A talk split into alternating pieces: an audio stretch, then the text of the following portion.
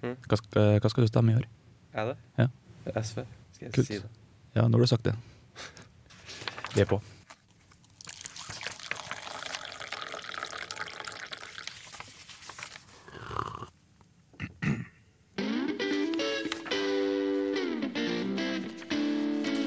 Du hører på Dusken podkast, lyden av underdisken.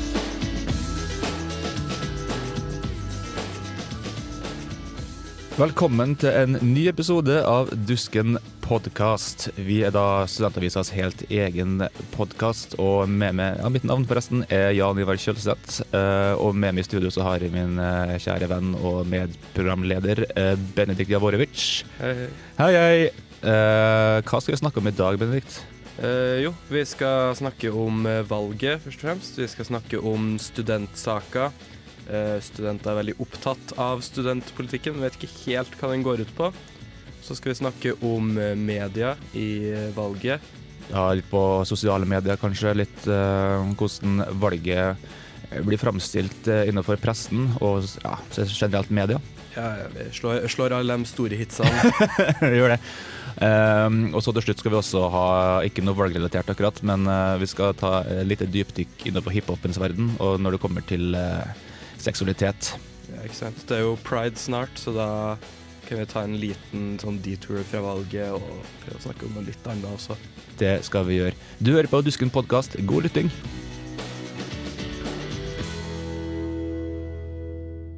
Herregud, det er snart stortingsvalg, og som sagt, i nyeste Rusken kan dere lese en, ja, en hel valgspesial. Blant annet så har vi en egen sak om um, hva de ulike partiene vil, eh, hvilke saker de vil sleike studentene opp etter ryggen med. Og Derfor har vi med oss eh, debattredaktør og nyhetsredaktør Anna og Mikael. God dag. God dag. Hei sann. Eh, Aller først, eh, I en undersøkelse av eh, Sentio og Universitas så svarer 58% av studenter at skole, utdanning og forskning er viktigst for dem, men at 56% sier at de ikke vet hvilke partier som er best på disse sakene. Så for liten inngang, hva, hva sier det mest om? Sier det mest om studentene eller om politiske partiene? Kanskje Det sier jo litt om begge deler. Men uh, hovedproblemet, tror jeg, for studentene nå er at veldig mange bryr seg jo selvfølgelig om studentpolitikken, for det angår jo dem uh, ganske mye. Men det er så stor på en måte enighet mellom partiene hva de mener skal gjøres. Uh, Frp og SV sier jo tilnærmet det samme når det kommer til studentboliger og studiestøtte. Og da er det litt vanskelig å finne ut hvem som er best da, på å føre inn det de sier de skal føre inn. Ja, for det er vel ingen partier i Norge som kommer til å si at de er imot utdanning eller imot uh, studentboliger eller noe sånt. Men det er jo fortsatt uh, visse forskjeller da man kan eh, få øye på, er det ikke det? Det som er greia, er jo at uh, noen av partiene vil ha studiestøtte på 1,5 G, eh, altså ganger grunnstøtten, mens noen av de andre partiene som er større, da Arbeiderpartiet og Høyre og Frp, annet, vil ikke si noe om hvor de vil på en måte feste den grunnstøtten. da. Eh, så de sier ikke at de vil ha den opp mot 1,5 G, de sier bare at de vil øke den. Så noen er jo litt vagere, kan man jo si. Ja. det det. Og det er jo det grunnbeløpet som kommer opp veldig ofte, som er knytta til folketrygden sitt beløp for eh, utbetaling av pensjoner og den type ting. da. Og nå ligger det på rundt uh, 93 000, uh, sist jeg sjekka i hvert fall. Eh, nei, Jeg er også enig i at eh, variasjonen er ekstremt liten mellom partiene når det gjelder studentpolitikk. Så jeg tror virkelig ikke det er de sakene som kommer til å avgjøre med valget når studentene stemmer. Jeg tror heller at det er enklere å finne eh, andre punkter enn partiprogrammet som heller kommer til å ha en avgjørende, avgjørende effekt. da. Men La oss gå litt på det med økning til 1,5 G. Eh, Hvorfor er de små partiene så veldig gira på det, mens de større partiene som Ap og Høyre er mer, eh, ja, mer tvilsomme? Mm, det kan handle litt rundt om at fordi de små partiene ønsker å få sakseierskap over saken. Altså at når du tenker på studentpolitikk, så skal du tenke f.eks. på Venstre. At eh, det partiet som kjemper for eh, studentene, det partiet som kjører god studentpolitikk. Og jeg har jo sett flere sånne eh, annonserte innlegg på Facebook at Venstre sier å, vi er kåra til Norges beste studentparti, og etc., etc. Jeg tror det er veldig viktig for dem å prøve å ja, bygge image på flere områder. Samme gjelder jo SV også. De har jo hatt sakseierskap på skole eh, ganske lenge. Eh, jeg tror også de har lyst til å på en måte beholde det imaget. Så da må de jo være ganske konkrete, tenker jeg. Ja. For jeg tenker også Det skal jo sies at uh, det her er jo ikke bare eller i den universitetsundersøkelsen så var det jo skole og utdanning. Så Mm. det er jo um, to saker som kan være separate, men også uh, selv om det er mye overlapp, da. Men på en måte, studenter blir jo ofte um, altså de, eh, de politiske partiene prøver ofte å fri til studentene med si, studentrelaterte saker. Men hvorfor er studentene en egen velgermasse? Er det bare, vi er jo ikke en, eh, en bunch med folk som kun bryr oss om studentrelaterte ting. Det er jo det der at du på en måte stemmer jo det som står deg nærmest, kanskje. Mm. Eh, og når du er student da, i 56 år, så er det jo på en måte studentpolitikken som står deg nærmest. Hvor mye penger du får i studiestøtte, hvor mm, stor mulighet du har for å få et sted å bo som har grei leie osv. Så, videre. så jeg tenker jo at de på en måte prøver å snakke til oss som en gruppe i den situasjonen vi er i nå. Uh, ja. Så, men det er for eksempel SV um, går litt mer inn på det med oljeboring og sånn, for de ser jo at det er mange studenter som bryr seg om det.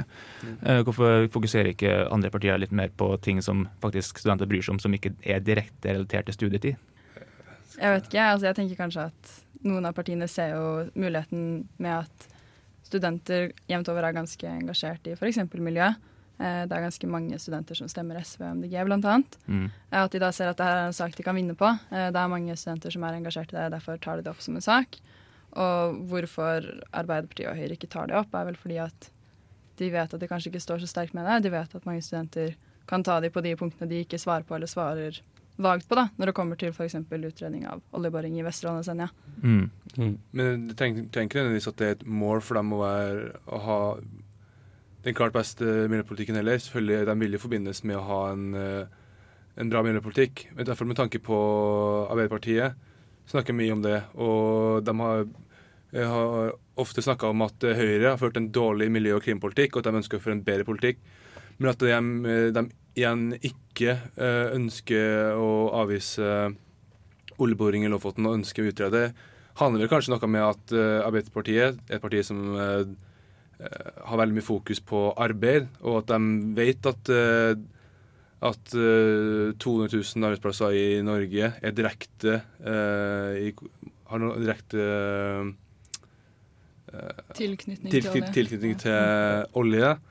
Så eh, det handler jo også om at, eh, hva prioriteringene er. da. At de føder en viktig prioritering og sikrer arbeidsplasser. At de, de er ikke komfortable med såpass drastisk uh, omskiftning av da, økonomien. eller... Og det er jo kanskje her en eh, ting da, at eh, det er ofte sånn at eh, man sier at de største partiene må være litt mer ansvarlige. Fordi det er dem som er nødt til å faktisk eh, Eller det er dem som faktisk reelt sett kan innføre den politikken der, som regel. Og da er jo de ofte litt mindre villige til å binde seg til en spesifikk ting som f.eks. 1,5 G. Så, eh, så um, forslaget om, økning til 1,5 G det er faktisk ren sleking opp etter ryggen på studentene? Eh, tja, altså det, det er jo kanskje det, men eh, det er jo Det kan godt hende at det kommer til å bli mye støtte for det. Altså, Elleve måneders studiestøtte var det alltid veldig mye støtte for i Stortinget, men det var ofte en ting som ble bytta bort veldig fort i eh, forhandlingene om budsjettet, budsjetter, fordi det var ikke det var ikke det viktigste for, for noen partier. da. Så man trenger jo også de her partiene som virkelig går inn for det. Uh, men ser jo også i den saken her da at eh, Rødt de tar jo litt mer eh, De sleiker jo studentene litt mer opp etter ryggen, hvis vi skal fortsette å bruke det uttrykket. Kan jeg si, noe om eh, det, da? Ja, altså Rødt var jo det partiet som uh, klart skiller seg mest ut når det kommer til uh, på studentpolitikken. Uh, Rødt har jo selv gått ut og sagt at de har lyst til å ha studiestøtten knyttet opp mot 2,5 G.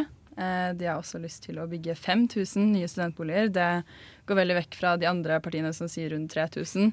Eh, de har ganske store endringer da, når det kommer til studentpolitikk. De sier også at studiestøtten skal være uavhengig av om man får studiepoeng osv. Så, videre. så Rødt er jo en av de partiene som i hvert fall skiller seg ut da, i den diskusjonen her. Mm, definitivt. Det høres veldig ekstremt ut. Veldig mye penger. Jeg er veldig spent hvordan de skal løse det. Ja. Eh, Du gikk inn på det her med studieboliger også. Hvordan har det egentlig vært med studieboliger i de siste årene? Nei, Man eh, kan jo f.eks. si at eh, Arbeiderpartiet eh, sier at de skal bygge 3000 uh, studentboliger årlig. Men man kan jo se fra sist stortingsperiode med rød-grønt at det har bare vært bygd 1000 studentboliger i året.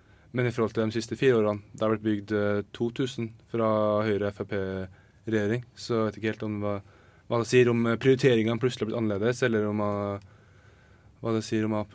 Mm. Det er jo også Høyre som har eh, eh, innført elleve måneders studiestøtte. Det er jo den regjeringen her som på en måte faktisk har tatt tak i å gjøre det. Og det var jo også et ønske om å innføre elleve måneders studiestøtte eh, i den rød-grønne regjeringen som var før, men de gjorde jo ikke det. Jeg tror eh, Venstre har vel eh, prøvd å ta mye av æren for eh, alt det her eh, studentflesket som har kommet i nåværende regjering. Mm. Eh, Helt sånn avslutningsvis, eh, hvilke saker er viktigst eh, for dere to under denne valgkampen? Eh, personlig så bryr jeg meg ganske lite egentlig om studentpolitikk. Eh, for meg så er det to saker som skiller seg ut, og det er innvandringspolitikk og klimapolitikk. Ja, eh, jeg er litt enig i det andre saker jeg tenker mer på enn studentpolitikken. Men innenfor studentpolitikken så syns jeg at eh, veldig få partier snakker om psykisk helse. Eh, alle nevner det, men ingen har noe konkret plan på det. Veldig mange tall som viser at det er mange studenter som er ensomme, det er mange som sliter med det. Og det er det ingen av partiene som egentlig har gått ut og kommet med noe konkret plan på. Og det tror jeg jeg bryr meg mest om når det kommer til studentpolitikk, og jeg tror det også er veldig, veldig viktig. Så jeg skulle gjerne sett litt bedre politikk på det. Takk for at dere ble med. Takk. Takk.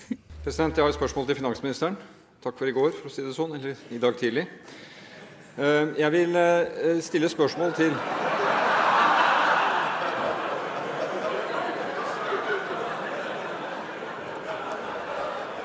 Ja, det her har vært et eh, valg som eh, man har ivrig fulgt i media, som alle valg. Eh, men det er også noen som er litt skeptisk til måten valget føres. Du har valgomater, og det er mye fokus på meningsmålinger. Altså hele valget bare på å bli et eneste stort sirkus. Eh, med oss for, for å diskutere det her har vi tidligere redaktør i Under dusken og masterstudent i medie og IKT, Tonje Jacobsen. Hei, hei. Hallo! Ja, hva synes du? Om dekninga generelt. Ja. Uh, det er mye som kunne vært gjort annerledes, det er mye som burde vært gjort annerledes. Men jeg er nok ikke en av dem som mener det skrives for mye om valg. Det det kanskje derimot skrives for mye om, er jo partiledere og ting som ikke har noe med politikken å gjøre, men sånn har det alltid vært. Vi så jo f.eks. fronten på var det VG i stad. Der det var Du kan fortelle, du, ja. Det var, så jo ikke særlig bra ut. Det var nydelig. Det var eh, to saker der eh, Hareide og Støre fikk snakke om politikk, og to saker rett over der eh, Skei Grande og eh, Erna Solberg fikk eh, snakke om vekta si og lesbisk rykter. Ja, det er prioriteringa. Mm. Men det er vel kanskje det man også til en viss grad forventer fra de her mer tabloide avisene. Da. Men så har jo eh, også NRK blitt beskyldt for at de på en måte dummer ned valget litt, da, med alle her eh, Altså, de har hatt veldig mye sånn underholdningssegmenter sånn i debattene sine og sånn. Mm, absolutt. Eh, jeg tror jo NRK gjør det her for å prøve å trekke til seg velgere i nettopp vår aldersgruppe. Det er deres oppgave som eh, offentlige mediehus å gjøre, absolutt. Men om det funker eller ikke, det er jeg veldig usikker på.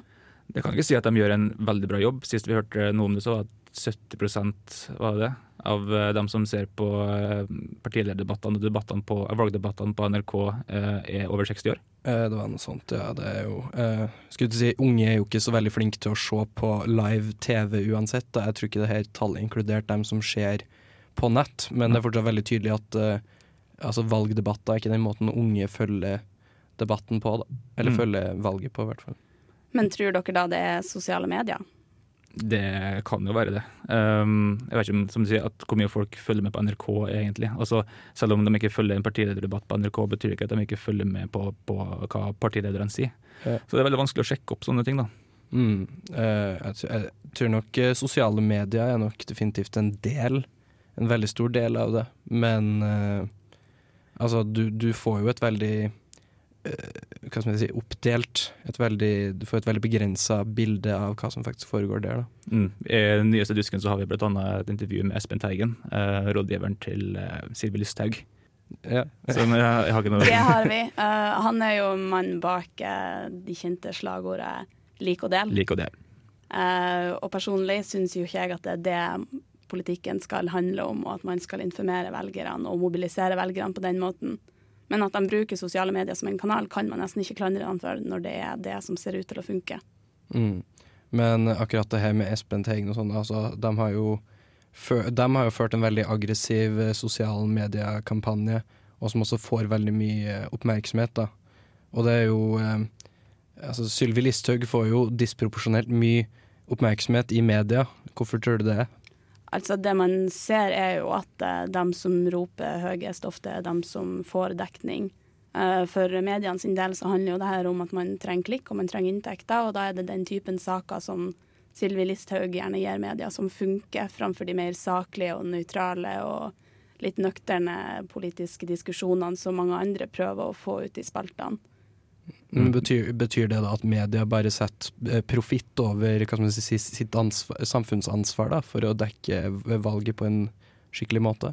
Det er nok veldig mange som uh, gjør begge deler. NRK har jo f.eks. Et, et krav fra uh, det offentlige om å gjøre nettopp det, men også dem vil jo tjene penger. Men man ser jo store forskjeller på hvordan TV 2 og VG dekker valget, kontra hvordan NRK gjør det. Mm. Mm. Uh, det er jo Det har jo vært veldig mye snakk om det her i eh, spesielt eh, med den amerikanske debatt, eh, valget, det amerikanske valget. Så var det jo definitivt Donald Trump som fikk mest oppmerksomhet i media, og han endte jo opp med å vinne det. Du har jo også sett det med alle eh, høyreekstreme partiene i resten av Europa, at de får veldig mye oppmerksomhet. Da. Altså, hva, hva, skal man egentlig gjøre da? Skal man slutte å skrive om det de sier, eller ja? Jeg tror absolutt at man bør eh, sette krav til media om å skrive mindre om de sakene som ikke tilfører debatten noe nyttig. F.eks. sånne saker som Sylvi Listhaug ofte står for, da, fordi vi vet at de fungerer polariserende mer enn noe annet. Og i det amerikanske valget sitt tilfelle så vet man at eh, Donald Trump ropte høyest og fikk mest dekning, og det førte også til at folk som vanligvis ikke fikk med seg politiske debatter, fikk med seg mye mer av det han sa, enn noe Hillary Clinton noen gang sa. Mm. Og det var et, et artig sånn aktuelt eksempel. Det var jo når um, Listhaug gikk, gikk, ut nylig og snakka om å gå forbi menneskerettighetene for å passe på norsk befolkning fra terror, ved å holde uh, asylsøkere som ikke har, forlatt, uh, land, altså ikke har fått oppholdstillatelse og ikke forlatt landet frivillig, og holde dem innestengt. Det er vel ble sett på som um, en politisk sak som hun umulig kunne ha vunnet, som er kun en populistisk uh, måte å prøve å nå ut til flere velgere på, som media slukte rått. Um, så det er ikke tvil om at Sylvi Listhaug genererer mer klikk enn f.eks. Jon Georg Dale, uh, vil jeg tro. Uh, så Sylvi Listhaug er en av dem som får kanskje litt for, mye, litt for mye oppmerksomhet, kanskje. Det er det absolutt. Og som man kan lese i portrettet med Espen Teigen i den nyeste utgaven av Under rusken, så sier jo han rett frem at eh, andre politikere og media også mener jeg det var sluke Agne rått. Når mm. de kommer med sånne her uttalelser, så vet de at venstresida kommer til å si at det her er horribelt, og da vet de at de får dekning. Og de får bekrefta framfor sine velgere at de er det partiet som er strengest på den typen politikk. Mm. Uh, bare for å bytte tema litt, da. Nå har det jo det valget her har det vært veldig mye snakk om meningsmålinger. Uh, og Politikerne blir konstant bedt om å eh, kommentere sine egne meningsmålinger og sånn. Altså Tar ikke det her litt bort fokus fra det valget egentlig burde handle om, som er politikk og ideer? Det gjør det jo absolutt, men det er jo samtidig en veldig enkel måte for folk å følge med på hva som eh, foregår og hvordan opinionen ligger da. Eh, jeg mener det finnes en del amerikansk forskning er det vel, på at det er ikke noe fordel for folk å komme ut som best på meningsmålingen heller. Så det trenger ikke nødvendigvis å være en, eh, en form for dekning som er veldig negativ for hvordan valgresultatet ender opp. da.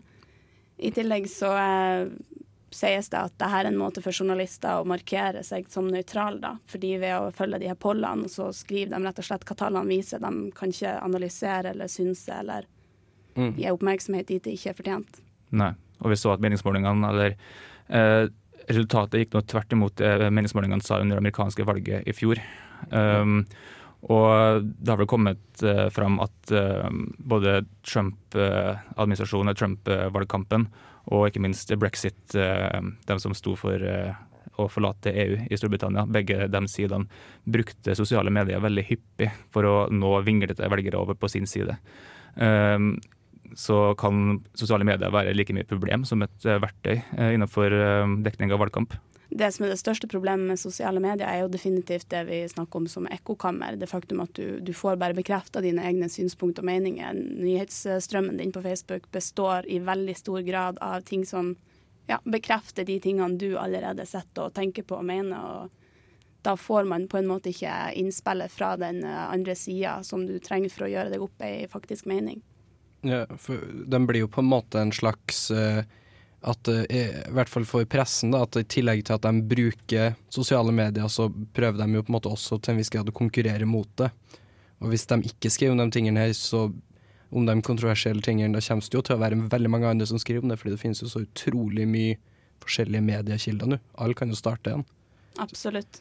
Så hvordan, hvordan altså er det noen måte å liksom ikke, altså du kan, du kan jo be dem, du kan be dem ansvarlige mediene om å slutte å skrive om en ting, men det vil jo alltid være noen som kommer til å skrive om det. Er det noe å gjøre med denne desentraliseringa av altså kommunikasjon, da?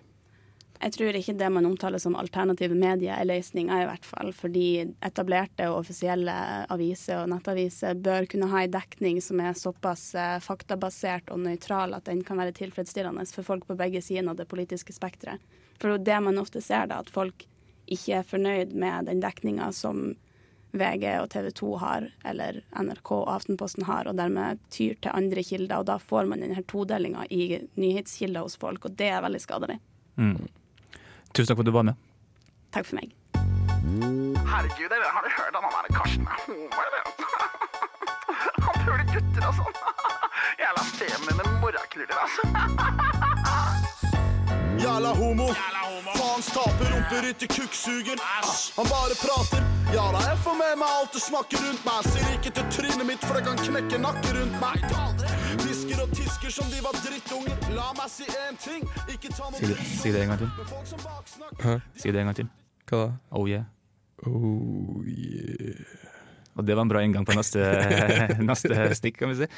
Um, Pride-paraden i Trondheim er like, like rundt hjørnet. Eh, Det er ikke så veldig lenge til, og ikke i regi av det, men eh, det er jo fortsatt eh, aktuelt. Så har jo vi en sak i nyeste dusk eh, om eh, homofili innenfor hiphop. Eh, og derfor har vi med oss eh, personen som skrev saken, Trym Kjøs. Hallo. Hallo! Eh, Du har da skrevet eh, en sak hvor du har intervjua en norsk rapper som heter Big Daddy Karsten. Eh, Den eneste rapperen så langt som har kommet ut som homofil i eh, norsk hiphop. Eneste mannlige, ja. Eneste mannlige, så klart. Eh, Du skriver også i saken eh, tradisjonelt i hiphopen har tidvis herska ganske gammeldagse holdninger. Kan du utdype det litt? Eh, Nei, altså, hiphopen er jo ofte knytta opp mot maskulinitet og liksom det å være slagkraftig, kul og sterk. Og så sa jo han Big Daddy Karsten der at eh, det kanskje har blitt dratt noen paralleller mellom det feminine og det svake. Og da knytta det opp mot homofili, og bare dratt den slutninga at OK, ja, men da er du ikke maskulin, og da er du ikke hard nok og kul nok til å kunne bidra med noe særlig innen hiphop. Men um, hiphopen er jo kjent for å være veldig um, ja, For å prøve å skape litt kontrovers i tekstene. De setter ting veldig på spissen.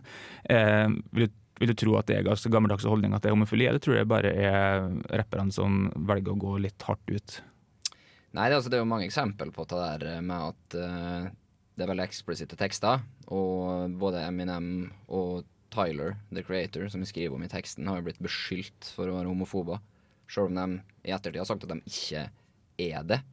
Så om det er bare en måte, på, en måte for å vise at du er kul eller slagkraftig og slenge dritt mot andre folkegrupper, det, det vet jeg ikke. Men så det er jo det litt hiphopen handler om. da.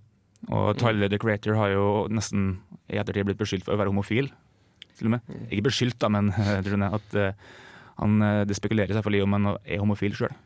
Det gjør det. Det har egentlig vært en ganske stor eh, greie i sommer etter det her siste albumet hans, Scum Fuck Flower Boy. Eh, så lurer lurer egentlig folk på om han er, er homofil. Og jeg tror det var Genius, en sånn hiphop-nettside, som har laga en sånn timeline hvor eh, Tyler diskuterer seksualiteten sin. Og den går da tilbake helt til 2011, året etter at den egentlig brøt gjennom da med Odd Future, som er hiphop-kollektivet hans. Ja, fordi det har vært eh, ganske mange runder med det der, har det ikke det, hvor han har egentlig på en måte kom, prøvd å komme ut av skapet, i hvert fall veldig mange ganger, men at han ikke blir tatt så seriøst fordi han har en historie med å eh, liksom komme med en del sånne litt oppspinn og sånn, da. Ja, altså Tyler er jo en veldig kødden type. Og det har han jo alltid vært. Så det kan ligge noe i det du sier, at han ikke har blitt tatt seriøst, altså. Mm. For det virker jo også som om veldig mange av fansene hans har i hvert fall store problemer med å akseptere at han skal være homofil, og har skal skulle si, prøvd veldig hardt å bortforklare liksom alle hans innrømmelser som er det bare enda en eh, Tyler-spøk. Absolutt. Men eh, det er en ganske interessant diskusjon ta der, fordi at han har tilsynelatende gitt så mange hint sant, opp igjennom om, om legninga si. Mm. Det er ganske eksplisitte hint, òg, er det ikke det? Jo, jo. Vi kan gå litt tilbake på- Big Daddy Karsten. Um, han synger jo i låta si 'Hold kjeft' at han har hatt mer blod på knokene enn håndkrem. Mm. Uh, så vi vil si at han da setter litt det stereotypiske feminine uh, på spissen, da. Mm. Så det er på en måte er det en slags eh, Det er jo et motsvar til all den homohetsen man har både i internasjonal og norsk hiphop. Ja, absolutt. Og han eh, her prater jo om den stereotypien at du skal være rak i ryggen og uh, ha band i nesen og være knallhard sant, innen hiphop.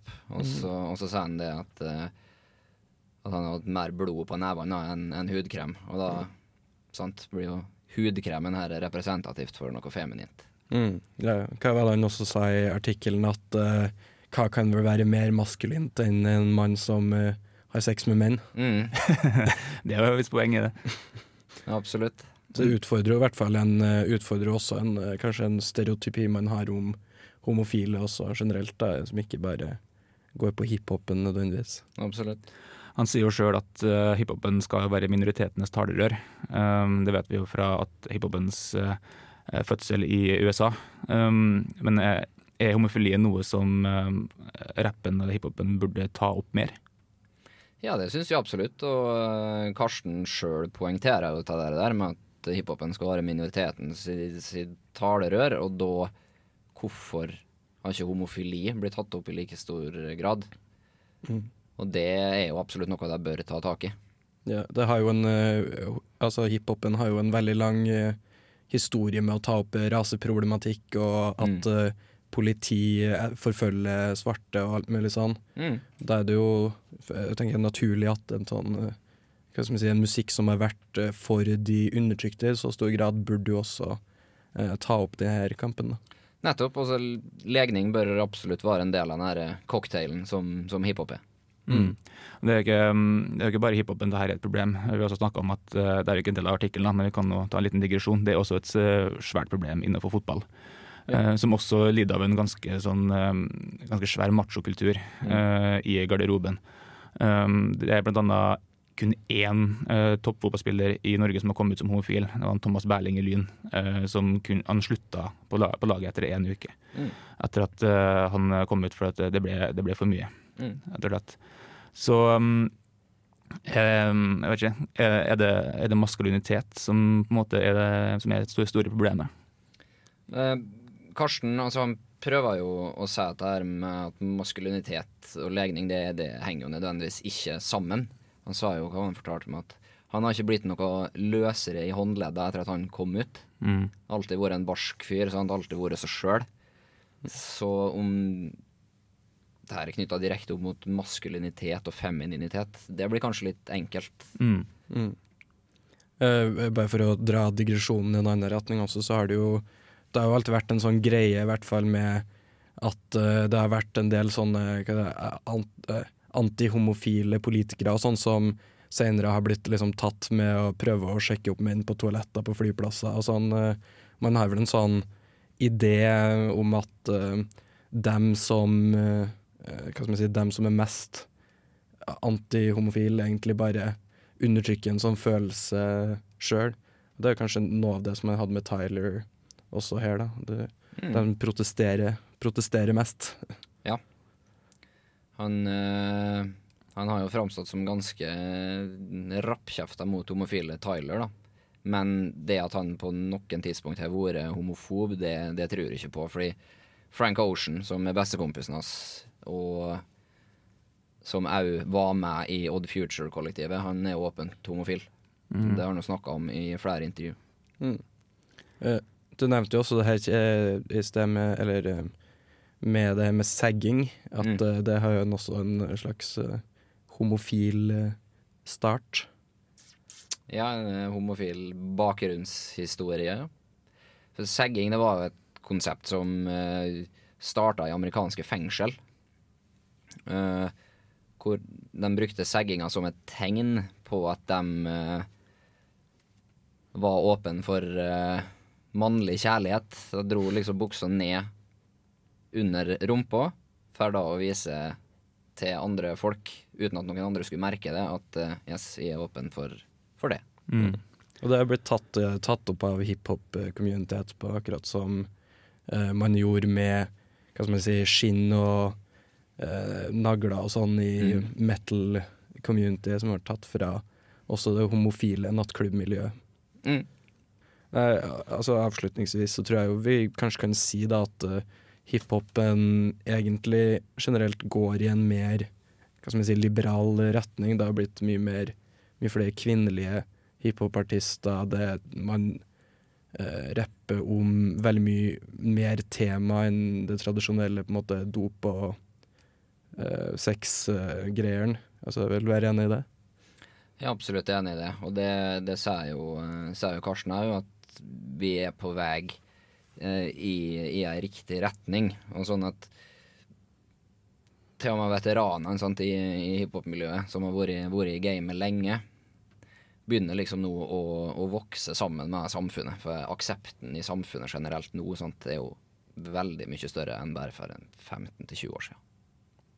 Da kanskje vi avslutter der. Tusen takk til deg, Trym Kjøs. Yes. Jeg holder det hundre, alltid. Klapp i henda. Jeg sto alltid igjen med penger lagd av hasj i henda. Hatt mer blod enn håndkrem på knoka mi, og har ikke blitt mer pinglete av å stå frem som homofil. Det var alt vi hadde i denne episoden av Dusken podkast. Håper du eh, likte det du hørte på. Er du fornøyd med sendinga, Benedikt? Ja, jeg tror jeg håper det. Ja. Håper du har fått litt eh, eh, Hvis ikke har fått noen nye tanker eller ideer om valget, at du i hvert fall har blitt underholdt. Eh, husk å følge Underdusken Under dusken og Radio Revolt på sosiale medier. Eh, hvis du har noen spørsmål til meg og Benedikt, eller har noe ris og ros, så kan du sende en liten mail til podkastetterdusken.no. Om du har noen tips til hva Under dusken kan skrive om, så gjerne send en liten mail til eh, tips. Eh, vi er tilbake igjen om eh, et par uker. Eh, vi ses igjen da. Ha det bra. Ha det.